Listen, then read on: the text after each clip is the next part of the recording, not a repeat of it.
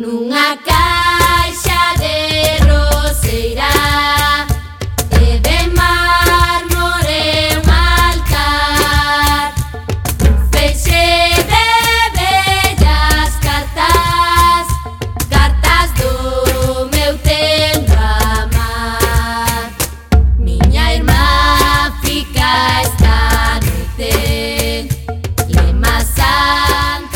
Ola, moi boa tarde, como estades, xentiñas recendeiras? Sede benvidas e benvidos a este espazo radiofónico semanal que dedicamos á cultura e que facemos en rigoroso directo todos os martes a esta hora, a 7 da tarde, aquí en Cuac FM no 103.4, a Radio Comunitaria da Coruña.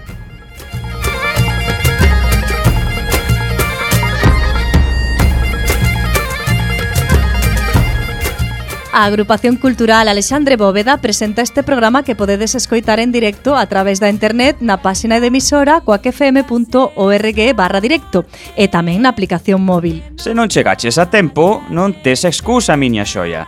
Podes descargar todos os programas xa emitidos onde en Radioco o mega podcast da nosa emisora ou tamén podedes escoitalo, por que non, na redifusión, que temos tres, os mércores ás 8 da mañá, os venres ás 13 horas e na madrugada do domingo luns exactamente na medianoite. E a partir de agora seguídenos nas redes sociais tanto deste programa recendo como da propia agrupación cultural Alexandre Bóveda, que teñen abertos os seus canais en Twitter e Facebook ou na web www.acalexandrebóveda.gal.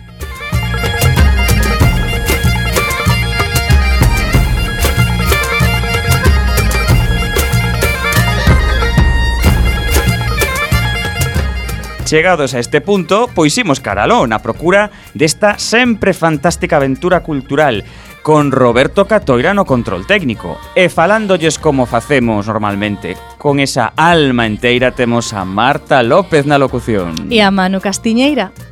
Unha caixa de roseiras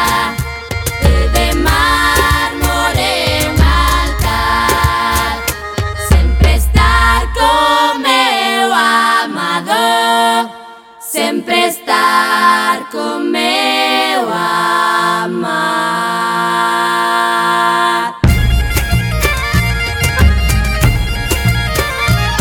E sumando, sumando, emisión tras emisión, día a día chegamos ao programa número 305 Este programa de hoxe é un especial telefónico variado no que falaremos con Culturmar, a Federación Galega da Cultura Marítima e Fluvial e coa galerista Neves Seara, a nosa corresponsal de Artes Plásticas, que nos falará sobre o seu centro de arte Aire, que está no casco histórico de Compostela.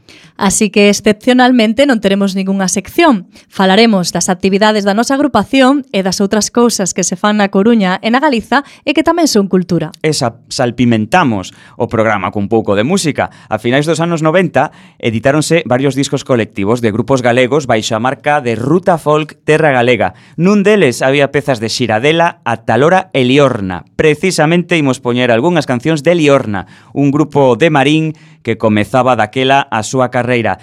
E así que presentamos xa a primeira peza do día de hoxe que leva por título Absenta.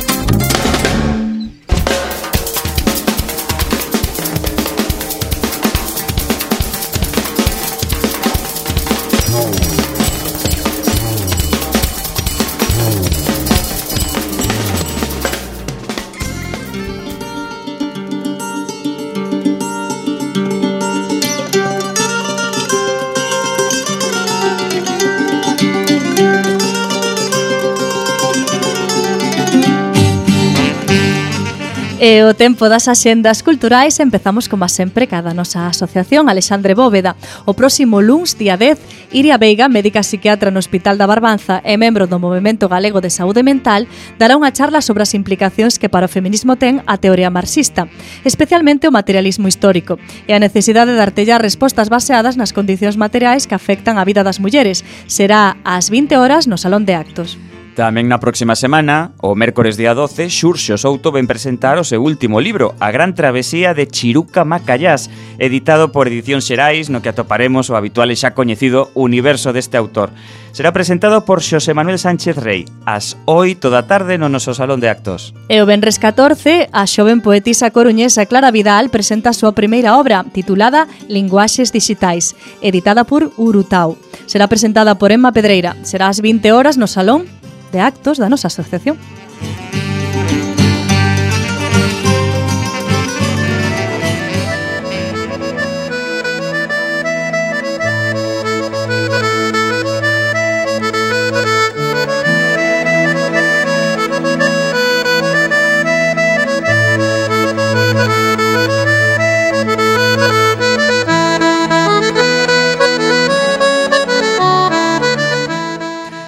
Continuamos e agora é a quenda doutra xenda, a xenda local, a xenda da Vila da Coruña. Empezamos polo eido do audiovisual. Estamos a comezos de mes, así é que destacamos habitualmente cal é o documental do mes. Neste caso poderemos ver Last Days in Shibati, que fala sobre un neno e un ancián que deben marchar da última barriada histórica que queda na grande cidade chinesa de Chongqing. Será hoxe, martes, que día 4, As oito nada máis terminar recendo no Agora. E imos ás artes escénicas. Hoxe destacamos o teatro infantil nunha axenda escénica algorfan esta, se esta semana. A veterana compañía Berro Bambán representa a súa obra a deshoras. Haberá sesións o sábado 8 ás 18 horas e o domingo 9 ás 12.30 e 18 horas na sala do teatro do Andamio, no alto do barrio dos Rosais. Levemos a cultura aos barrios. Poñémoslle un pouco de música ao asunto. Un dos míticos grupos de folk coruñés Luarna Lubre, que estivo a comezos deste ano en Recendo, presenta o seu novo disco, nesta ocasión dedicado a Ribeira Sacra. Vai ser mañá mércores, día 5 ás 8 e media, no Teatro Rosalía. A música da Coruña vai homenaxear de xeito totalmente merecido o cantante Sito Sedes nun concerto que contará coa participación da orquesta Los Satélites e a garufa Blue Devils Big Bang, entre outros. Será o domingo 8 ás 20.30 horas no Teatro Colón. A entrada é de balde, pero hai que coller invitación, eso sí. E por outra banda temos a Silvia Pérez Cruz, unha das cantantes máis de moda no estado, que actúa de novo na nosa cidade presentando o seu último disco vestida de nit poderedes vela o sábado día 8 ás 9 media da noite no Pazo da Ópera. E rematamos cas exposicións. Segui visible ata comenzos de 2019 unha exposición da que xa falamos aquí algunha vez. No quiosco Alfonso poderánse ver as fotografías que fixo Catalá Roca cando estivo de visita por diferentes vilas galegas entre 1956 e 1976. Todo un documento gráfico, etnográfico, perdón.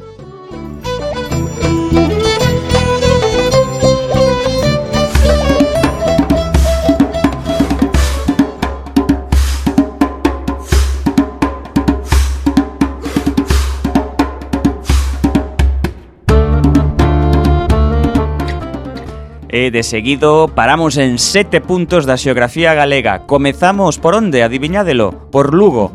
A Feira de Ocio Xuvenil Xuben Lugo, con Kio o Esquío, moi simpático el, conta con diferentes actividades para os máis novos.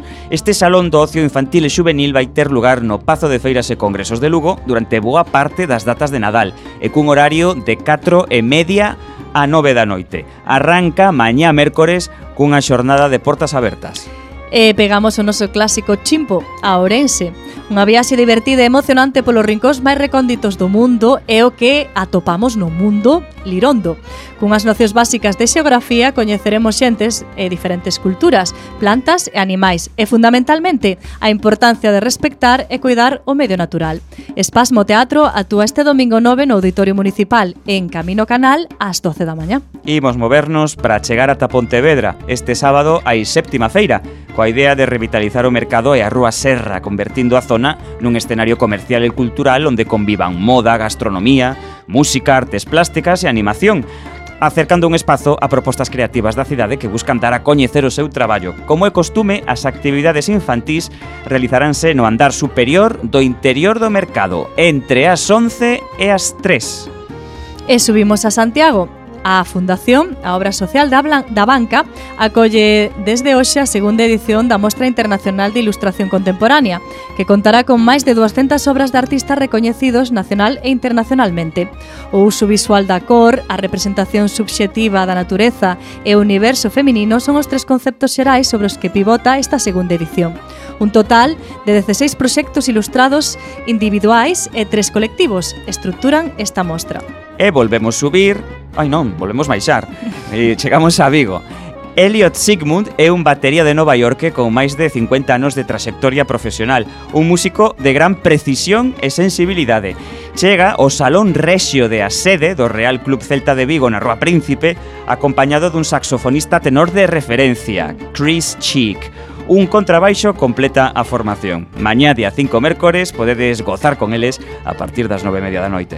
E agora sí, subimos a Ferrol, L, Elena Iturrieta, considerada gran dama do sol española, volva a Ferrol a presentar o seu magnífico segundo traballo discográfico, What Nights Hides, o que a noite esconde. Tanto se a coñeces como a senón, está ben, eh, está ben, perdón, pode ser unha moi boa opción para comezar a noite do próximo sábado día 8 no Teatro Jofre ás 20.30. E volvemos baixar. Chegamos á vila convidada de hoxe que é o Carballiño. As aventuras de Quebranoces ven sendo unha adaptación do celebre Quebranoces para menores de 3 anos. O espectáculo está a cargo de dúas intérpretes profesionais de piano. Vai ser un espectáculo de musicreques que podedes ver no Auditorio Municipal ás 11 e media da mañá do próximo día 9 que cae en domingo.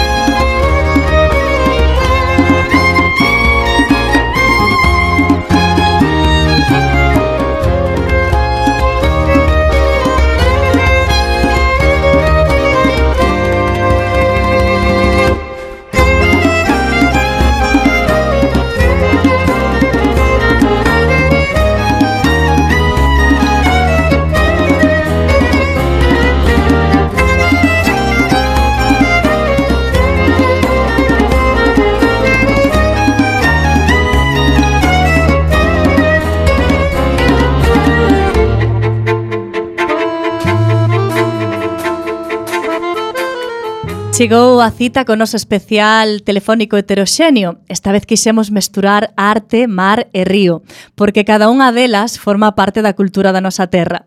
A influencia do mar e do río sobre o noso estilo de vida non se lle escapa a ninguén, mas non sempre coñecemos as tradicións e costumes vencellados ao mundo do mar, sobre todo porque estes foron arrasados por unha mala entendida modernidade.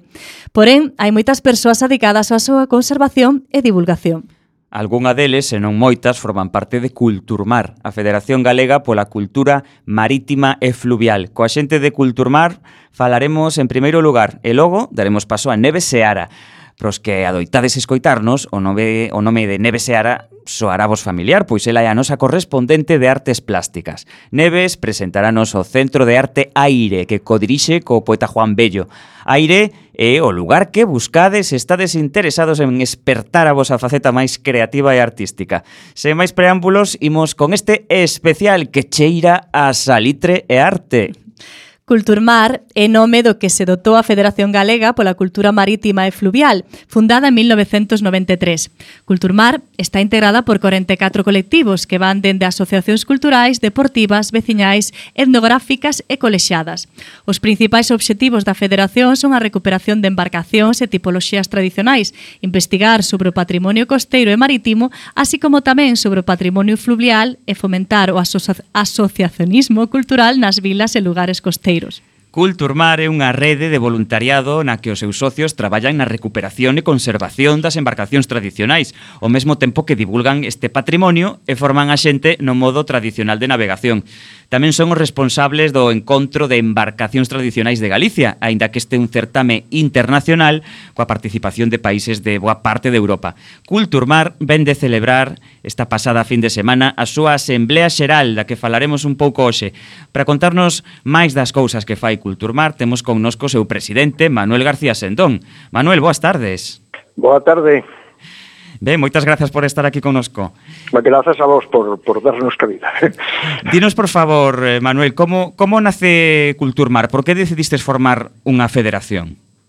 Bueno, uh, Culturmar uh, é a denominación actual, a, a, a primeira foi no 93, como acabades de dicir, Federación Galega pola Cultura Marítima, eh, nace de catro asociacións culturais, as típicas, sin ánimo de lucro, que tiñan dentro da súa actividade cultural como eh, eh, como obxectivo fundamental ou un dos obxectivos do seu traballo a salvagarda do patrimonio marítimo. Hmm. Eh, xuntanse con algúns máis pioneiros do Movimento de Recuperación da Cultura Marítima no ano 93 en Ribeira e ali celebra o que se deben chamar primeiro encontro de embarcacións tradicionais de Galicia. E ali conxuranse eran catro asociacións, eh, eh, catro ou cinco estudosos, e ali conxuranse para eh, re, repetir cada dous anos en distintos portos do país ese encontro que eh, foi medrando ata o que hoxe con como acabades de dicir, con máis de 100 embarcacións e embarcacións de outros territorios europeos que nos acompañan, e ao mesmo tempo comezar a traballar en común nunha federación eh, de maneira que se multiplica por máis de 10 a, a, a aquela digamos, a, a conformación inicial, ou se somos máis de 40, como acabades de dicir, coa inclusión xa da primeiría de algunhas asociacións, como é positivo do Norte Portugués, e máis adiante tamén eh, asociacións que estaban a traballar pola salvagarda patrimonial dos ríos, centrándonos sobre todo sempre nas embarcacións, tanto de mar como de río. Hoxe somos 40 e pico asociacións e hoxe podemos falar tamén de que temos uh, unha flota tradicional galega. Eh, entre eh, todas as asociacións sumamos alrededor de 300 embarcacións tradicionais recuperadas. Moi ben, e, e, con tantas asociacións diferentes, eh, como chegastes a, a decisión de, de, de encarar unha forma determinada de, de funcionar? Como vos organizades? Bueno, é bastante complexo, porque somos asociacións de toda a beira mar galega, eh, digamos, eh, e algunha do río, eh, pois, eh, mesmo da, da Ribeira Sacra, non? O Ecomuseu de Arxeriz, eh, da, pola parte da cultura fluvial, pois tamén forma parte nada, ah, digamos que coas novas tecnoloxías é doado estar sempre en contacto por un lado e por outro lado mm, pois eh, recibímonos eh, sobre todo a través de asambleas. Hai un mínimo de asambleas, unha na primavera máis ou menos cando comeza a campaña a forte de actividades, pois eh, son dúcias de xuntanzas e concentracións de embarcacións, regatas, logo tamén exposicións, outras asociacións artellan eh, escolas de navegación, eh, obradoiros de carpintería de Ribeira, todo iso. E outra, como a que acabamos de celebrar este sábado pasado, que un pouco é para avaliar todo o que fixemos e, e programar as accións do, do ano seguinte. Digamos que, sobre todo, é a ilusión de traballar polo patrimonio marítimo e sempre desde o voluntariado, evidentemente. Manuel, xa que estás falando de patrimonio marítimo, de que estamos a falar cando se fala diso? Bueno, de todas as manifestacións eh, culturais, digamos, que foron xurdindo desa relación de sempre, eh, histórica de sempre, eh, das persoas eh, co medio mariño e tamén cos, cos, cos ríos, eh, eh coa beira mar e, e coas ribeiras fluviais. Non? Tendo en conta que a, a, eh, son todas manifestacións materiais e inmateriais. Nos a, a, centrámonos Mm, fundamentalmente, pero non só nas embarcacións, pero, bueno, aí está todo o patrimonio material, todas as, a, as, a, as construcións da Beira Mar, desde os faros, as fábricas de salga, as carpinterías de Ribeira, é, é a cultura inmaterial. Evidentemente, todos os, os saberes, os saberes dos mariñeiros, mariñeiros son xente con cultura, vale? os saberes dos carpinteiros de Ribeira, etc. Todo iso conforma o patrimonio marítimo e fluvial. É un elemento esencial que conforma a personalidade colectiva a, dos galegos, a, a cultura galega, e evidentemente o patrimonio é a base da cultura dun pobo, sen o mar, sen os ríos, e sen todo o que foi xurdindo desa íntima relación entre as persoas e ese medio, eh, non se entendería como somos, e non se entendería a cultura do país, evidentemente. Uh -huh. Estamos sendo capaces de conservar o noso patrimonio marítimo e fluvial. Si estamos... Si, si somos capaces, si estamos sendo capaces de conservalo. Bueno, vamos a ver.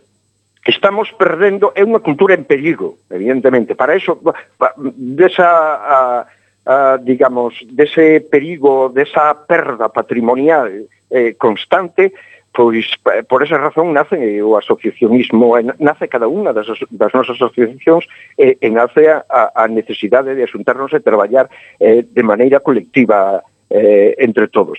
Evidentemente, eh, o, co, co, co, co mudanza dos tempos cambian os materiais cos que se construen os barcos, as técnicas de pesca, o transporte marítimo e os barcos tradicionais pois van, van desaparecendo, eran queimados, eran destrozados, mesmo se pagaba por, a, por, a, por acabar cos barcos, non?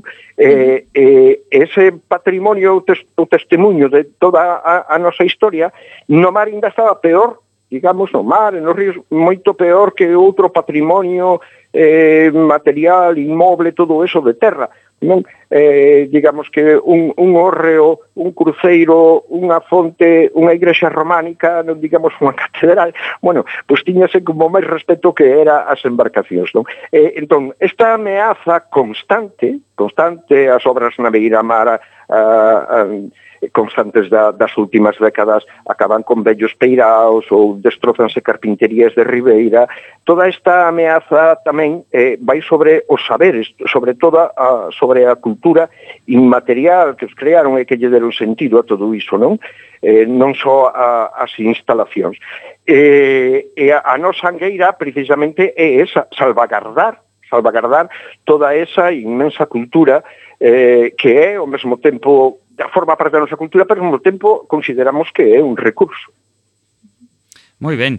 Eh, xa que sodes unha federación galega, gustaríanos preguntarvos eh, cales son as, as principais particularidades das comunidades marítimas galegas se as comparamos pois con comunidades do entorno europeo? Que poderíamos dicir? Eh, respecto a, a, o, o máis eh, peculiar por respecto ao patrimonio flotante, respecto ás embarcacións, é a enorme variedade de tipoloxías de embarcacións tradicionais que existen. Adoitase dicir que temos máis variedade que ningún ninguna outra cultura europea, non sei se é verdade, se é exactamente verdade, non contei os tipos de embarcacións de todos os outros países, pero se non é, é, é moi parecido, non? Eh, eh, débese bueno, un, un pouco en, en boa parte a, a peculiaridade da, da nosa da nosa beira mar, non? Eh, eh, 1.300 ou máis ou menos kilómetros de costa coa conformación das rías, zonas de mar aberto, que foron facendo eh, que os carpinteiros de Ribeira, en diálogo cos usuarios, cos mariñeiros, cos, da, co, cos patróns da, da, da cabotaxe, do transporte marítimo entre as rías e todo iso, fosen configurando ao longo da historia as embarcacións para os seus usos, para o uso da pesca nesta ría, naquela outra que ten unhas características distintas, ou no mar aberto, ou, ou para o transporte, eh, eh, o enseño dos propios carpinteiros as características dos distintos mares, das distintas beiramares, foron dando lugar a unha riqueza eh, pasmosa eh, de tipoloxías. Temos máis de 20 tipoloxías dos barcos de traballo, estou me referindo, eh, barcos de cabotaxe sí. así, e eh, barcos de, de pesca e eh, marisqueo, para que ademais que cada tipoloxía pois ten a súa vez a súa a subtipoloxía, ti dis a gamela, pero claro, hai a gamela da guarda que é distinta da gamela de Coruxo, que é distinta da gamela de Cabo de Cruz, non digamos dornas, que hai non sei cantas tipoloxías, eh, non digamos botes, o bote polveiro, o bote pulpeiro, o bote de Ribadeo, o bote de media construcción.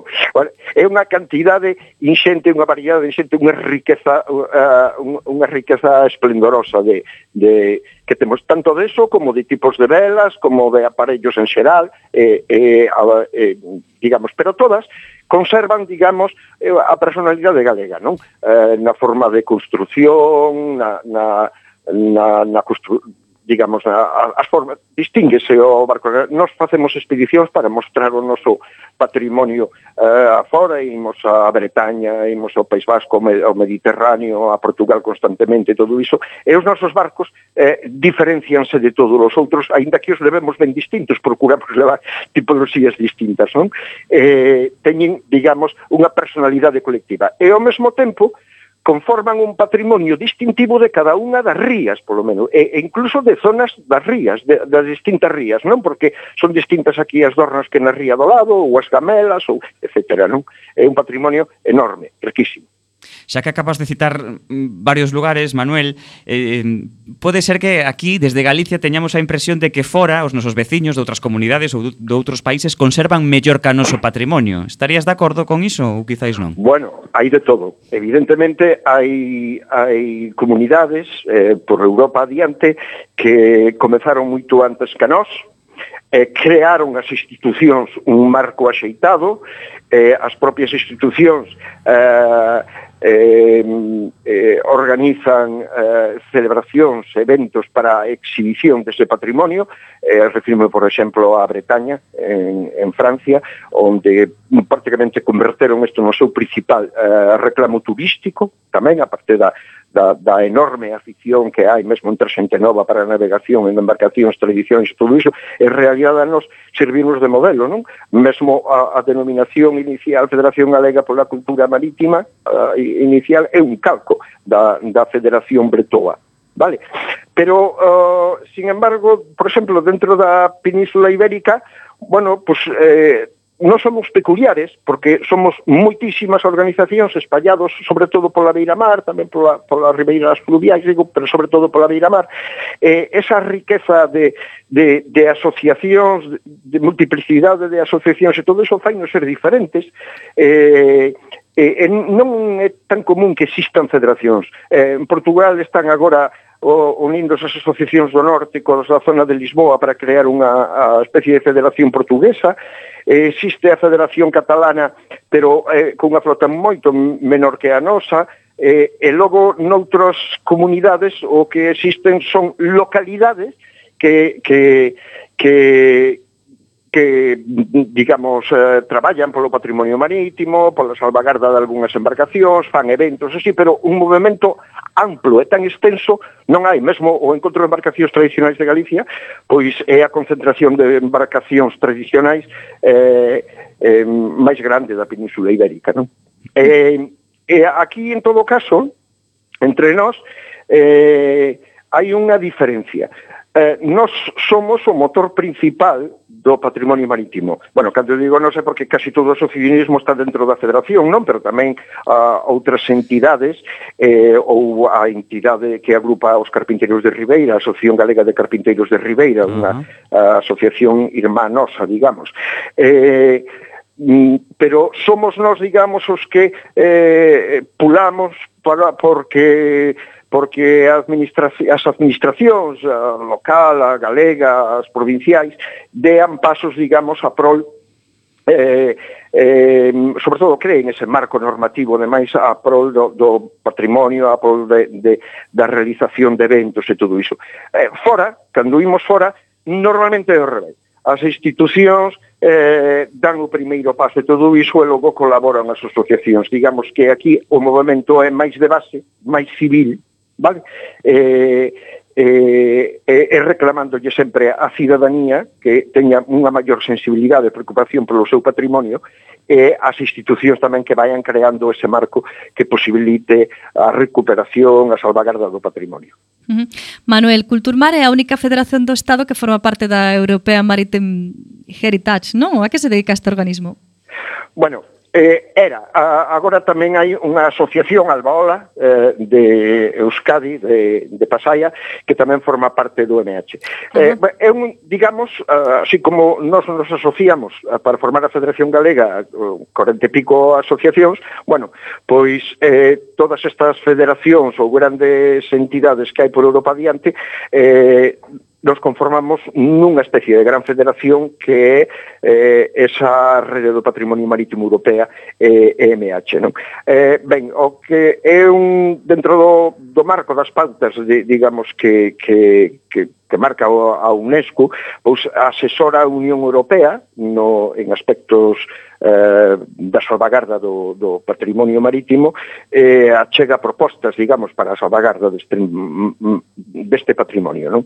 Eh, ese, digamos, que é o labor eh, fundamental. Para nós é moi importante unha, eh, danos unha rede de relacións a, a nivel europeo, aprendemos doutras experiencias, sobre todo nas, naqueles lugares onde o movimento salvagarda do patrimonio está máis máis máis avanzado, e máis considerado, e esa mesma rede eh, permítenos pois, que o, a Galicia, e sobre todo o encontro de marcacións tradicionais de Galicia, pois veñan delegacións como teñen vido de Francia, de Croacia, de Irlanda, británicas, etcétera, non?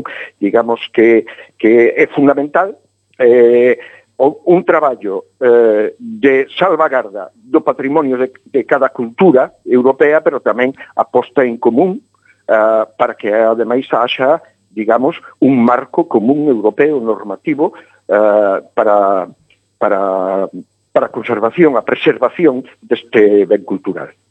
Ben, eh, eh, temos entendido que esta pasada fin de semana tivestes unha asamblea xeral tremenda.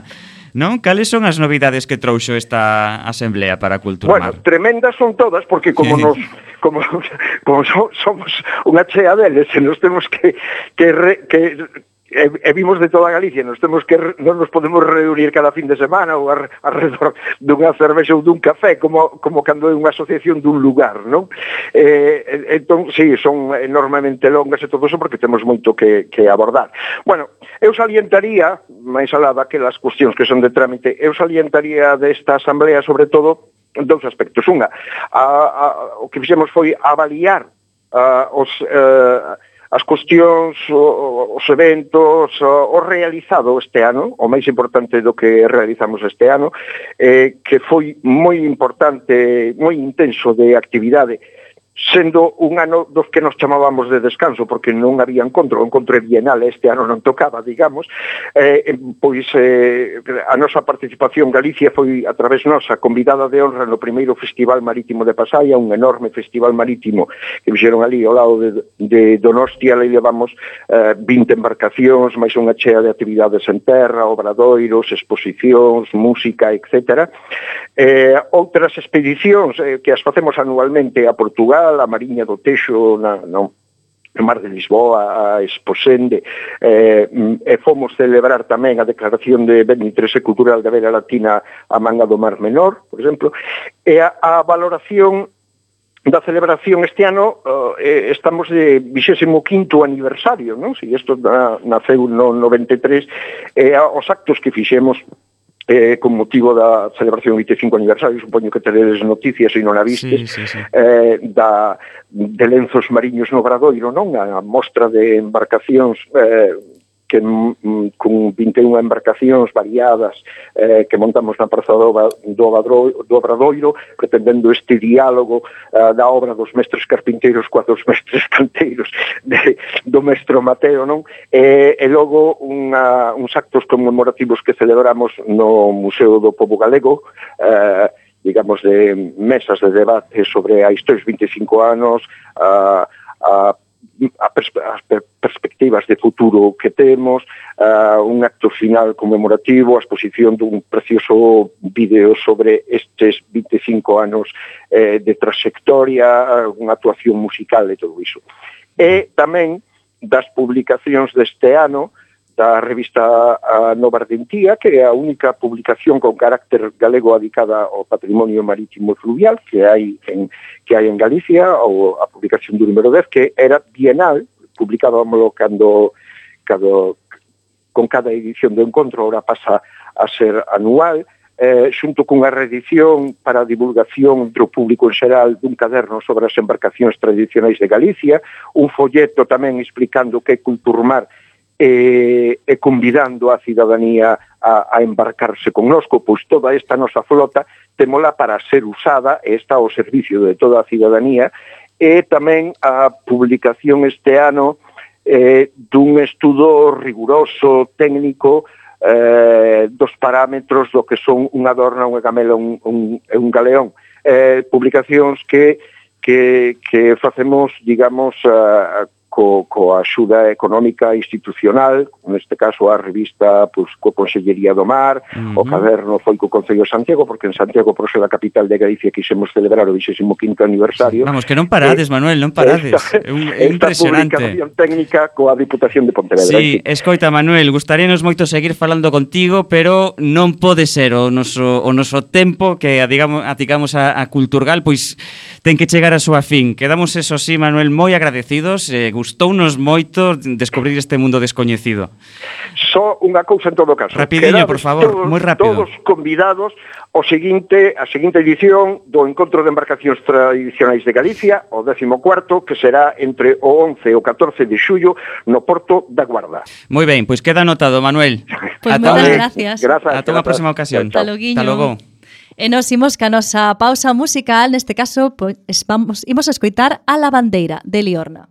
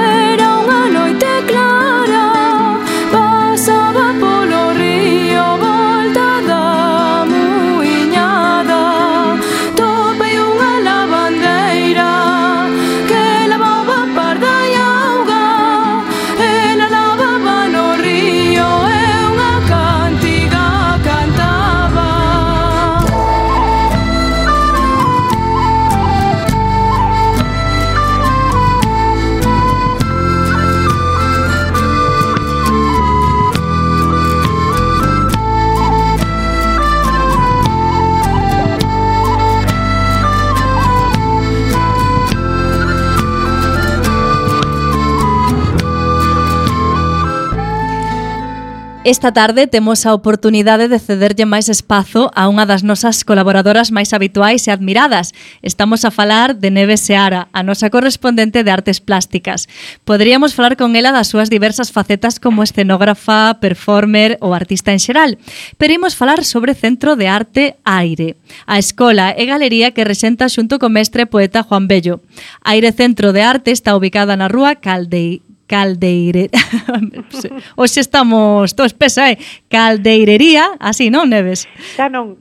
Xa non, bueno, por despois nos, despois nos matizas de Santiago sí. de Compostela. En Santiago sí que sigue, non? En Santiago sigo, sí. Vale. Sí, sí, en Santiago sigo. Eh, nada, nos mudamos eh, en agosto. Espera, espera, espera un momentiño, sí, Neves, que sí. acabamos ca presentación claro, e xa nos... No Claro, si sí, no, estou espero nada, un anaquiño Neves, porque simplemente queremos, a modo de introducción, pois dicir que, que as súas paredes, as desta de centro de arte, se estamos no certo, pois serven de, de contedor a, a diversas actividades enfocadas a crear coñecemento emocional e sensorial a partir das artes plásticas, escritura e fotografía, entre mm, outras. Mm, mm. E do mesmo xeito, aire funciona tamén como unha sala de exposición para os seus alumnos e demais artistas emerxentes que se acheguen ata ela. Oferta tamén actividades tanto para os adultos que busquen fomentar ou incrementar as súas capacidades creativas e artísticas como pros cativos da casa que están a descubrir mm. é o maravilloso mundo da arte. E para contarnos máis do que podemos atopar en aire, pois escoitamos por aquí a nosa colaboradora habitual, Neves Seara, artista, profesora. Bueno, boas tardes, Neves. Hola, que tal, como estades? A ver, como é que ti e máis Juan eh, decidides montar aire? Bueno, eh, aire leva montado oito anos xa. Mm. Montei no eu fai, xa te digo, oito anos, ca unha vocación eh, moi clara pola miña parte. Eh, eu, como mencionaches antes, eh, son artista e traballei sempre na xestión cultural tamén eh, eh, para galerías, non? entonces bueno, vi así como unha especie de desconexión entre espazos, os expositivos, os de ensinanza e os propios artistas que me daba a sensación de que había que conectar de algún xeito, non? Porque ao final estaba o artista solo no estudo traballando, eh, colgaba as súas obras nunha galería e despois tampouco tiña moito feedback do público, o público tampouco podía entender moi ben o proceso de, de creación e as artes plásticas ensinaban desde diapositivas ou proxeccións entonces me pareceu que o máis chulo era mezclar pois unha sala de exposición con eh, espazo didáctico no que os propios artistas podían impartir os seus obradoiros ou presentacións, charlas e demais e despois intentar ir un pouco máis alá, non? Estiven facendo unha revista trimestral durante estes oito anos no que sacábamos un pouquiño pois a teoría e a imaxe das exposicións e despois explicar como enfocábamos nas nosas clases e demais e que quedase pois un depósito legal, non? A, a revista e que quedase pois recollido de algún xeito, porque senón parece que faz as cousas e non non queda historia, non? Sí. Senón as as tes documentadas. I, imaginamos que esta iniciativa foi ben acollida en Santiago.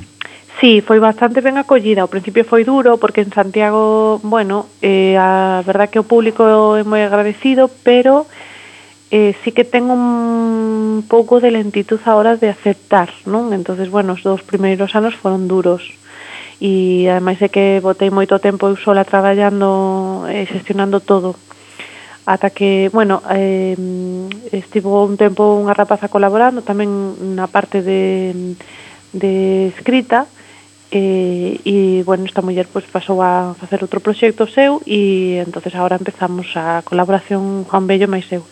Pero, bueno, xa che digo que o traballo levo xestionando eu sola desde o principio, coa axuda de becarios, de colaboradores e demais, pero pero mm. bueno, aí eh, nos, o carro. Dicías nos hai un momento que xa xa non está na rúa Caldeirería? Non. A ver. Po, Isto foi porque, bueno, o dono do edificio quere vender e tivemos que buscar outro local. Pero estamos na Rúa Nova, na rúa paralela a que estábamos antes. E ademais eu penso que nun sitio mellor, porque estamos encima do bar do, que tenga a mellor tapa de tortilla ah, de Santiago de Compostela. Está ben, está ben. Claro. sí, así que, bueno, sentamos un pouco. Entonces, nada, ademais o tema era que desde o centro neurálxico que eu quería montar con aire, eh, se pudesen mostrar as obras das artistas, casi todo mulleres, porque tamén teño unha perspectiva de xénero bastante marcada, aínda que intento eh, equilibrar a balanza para todos os lados e, bueno, favorecer a comunicación das artes en xeral, non? Pero, bueno, sí sempre me interesou un poquinho máis favorecer a... Mm, os, mm, bueno, aquelas artistas mulleres que estén loitando porque temos bastantes menos oportunidades sendo o 90% das estudiantes de Belas Artes mulleres e sendo o 90% das exposicións o ano neste país de homes. entonces bueno, pois aí equilibrei un pouquiño.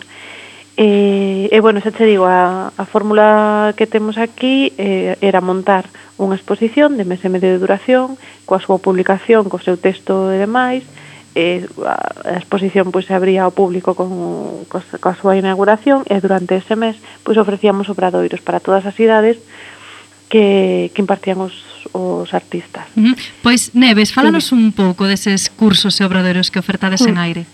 Pois mira, ahora mismo eh, estámonos centrando un poquinho máis nas didácticas das artes plásticas eh, máis eh, mm, máis tradicionais, digamos. Ata agora era todo moi experimental porque o que facían os artistas eran pois un obradoiro intentando explicar o seu propio proceso creativo. Eu tamén daba as clases de artes plásticas para adultos e para cativos, pero tiñamos así un pouco de mezcla, non? Eh, o que estamos ofertando tamén é un pouco esa simbiose ca, ca escrita, porque mm, bueno, ao final e ao cabo o que trata a arte de, de expresar e de comunicar e a escrita pois é a, o vehículo máis máis habitual, non?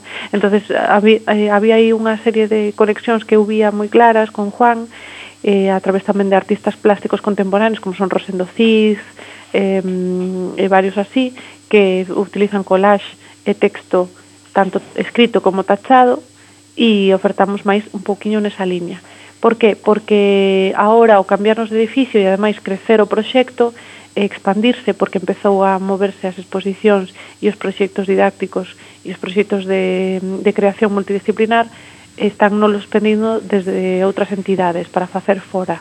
Entonces, para min era inabarcable seguir facendo, digamos, o que o proceso expositivo aquí en, en na galería, e seguir montando exposicións fora, e xestionar didácticas fora, e montar eh, didácticas para a Cidade da Cultura, e, bueno, demasiado volumen de traballo. Mm, e se non temos ningún tipo de formación artística, podemos asistir ás actividades de aire. Hombre, moito mellor, casi. Sí. sí, porque a, a fórmula que ofrecemos aquí é unha experimentación desde a raíz. Uh desde a entraña, desde o propio proceso. Entonces, eh, si estás como demasiado intelectualizado, quizáis, eh, pois pues podes igual perderte outros procesos máis experimentais, non? máis sorpresivos. Entonces, eh, en realidade pode participar calquera. O que teña eh, conocementos básicos, pois pode perfectamente, sin, vamos, uh -huh. está máis que invitadísimo, pero bueno, mmm, sin ningún tipo de de problema calquera, porque eh, a ver, ao final ao fin e ao cabo, para min as artes plásticas eh, tens que coñecer algo de técnica, pero eso xa o adquires nos obradoiros, pero tamén son expresións que faz a través do corpo e da túa emoción, non? E a uh -huh. túa interpretación da vida. Entonces, se ti eh, tes corpo e tes emoción, pois igual vas a poder falar de arte. E pensas que é certo que coa idade se perdemos a capacidade creativa? Sí, pero a perdemos porque estamos inmersos nunha sociedade demasiado anquilosante e o capitalismo pues, penso que nos mata bastante a creatividade porque nos aboca a, a, a estar metidos nunhas rutinas en, eh, en unhas inercias de conseguir dinero para pagar cousas que ao final hmm. mm, non te permiten E como podemos volver a conectar con esa enerxía creativa? Pois mira, pensando sempre no aquí no, eh, o ahora. Obviamente non podemos despistarnos porque hai que pagar o alquiler e as facturas, pero intentando estar presentes sempre no que estamos facendo cada día. Desde facer a comida, pensar o menú, eh, facer a cama, eh, escoitar unha canción, eh, ir pasear o can. Todo, todo na vida nos ofrece cousas increíbles e maravillosas, pero son pequeniñas e ao final eh, se nos perden e se nos despistan nas cousas grandes e urxentes de cada día, non? Que son pois eh, conseguir os cartos para comer ou ou sacar adiante un traballo. Pero todas esas cousas pequeniñas siguen aí. Tes a, moita razón. A maxia está. Entonces, a maxia é o que nutre a arte e a, cre, e a, cre, a creatividade, perdón. Entonces, eh, se nos despistamos de eso, aparte de que nos despistamos desa esa creatividade e a a posibilidade de, de facer arte, nos despistamos de nos mesmos tamén. Por tanto, todos todos podemos ser artistas, Neves. Todos. É o que nos estás a dicir. Sí. O cal é fantástico. Eu penso que sí, eu sinto que sí. Eh, obviamente igual non poderás facer igual un óleo tamén feito como outro que sí que mm. ten a formación ou escribir un poema se non tes a formación, pero a sensibilidade, a emoción está aí solo hai que atopar a, o vehículo de expresión apropiado para ti. E Neves, por exemplo, eh, gustaríame saber algo que nos podías contar mm. eh, de como se desenvolve este, este curso de idea, concepto e proceso de creación. Sí, é precisamente o máis creativo de mm. todos os cursos que damos. Eh, é un curso no que intento, xunto con Juan Bello, cando dá a súa parte, eh, eh, que experimenten eh, o proceso creativo en suicio, é dicir, sin a presión de que che quede ben, sin a presión de conseguir facer unha obra digna ou dun museo ou dunha sala de exposición, sino que estés atento nese propio proceso en esas cousas pequeniñas que ocurren no medio, non? Por exemplo, se si estás ensinando a técnica da acuarela, eh, o obxectivo non é que a ilustración que fagas che quede correcta, digna ou, ou publicable, sino que estes atento a como se filtra a auga no papel, como se suspende a tinta na auga, eh, que esas formas que fai, esa maxia que se crea, non suspendida nesa, na tensión superficial da gota de auga, mm, esos efectos que fai a, a luz ou traspasar o pigmento, non sei, esas cousiñas mágicas, non? E aí, se conectas con eso, igual é donde é como consigues igual chegar a un resultado moito máis creativo, digamos, non? E Neves, no tempo que levades abertos, cal foi a maior sorpresa positiva que atopastes por parte dun alumno ou grupo de alumnos? Buf, eh, buf, mogollón. Moitas. Moitísimas, porque de verdad que eh, a men faime moita gracia cando me din que, que son a profe ou porque eu aprendo cada día con eles, non?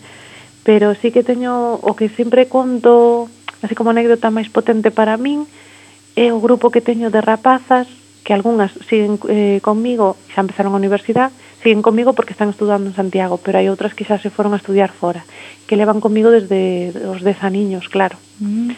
E, e velas crecer, madurar, evolucionar, porque ademais pasan moitas cousas que a través do, do que investigamos nas técnicas tamén se move moito os conceptos sociais, eh, as ideas, a, a loita de clases. Mira, onte, por exemplo, onte non mento, o, vie, o Benres, eh, son tres cativas de 10 anos e sete.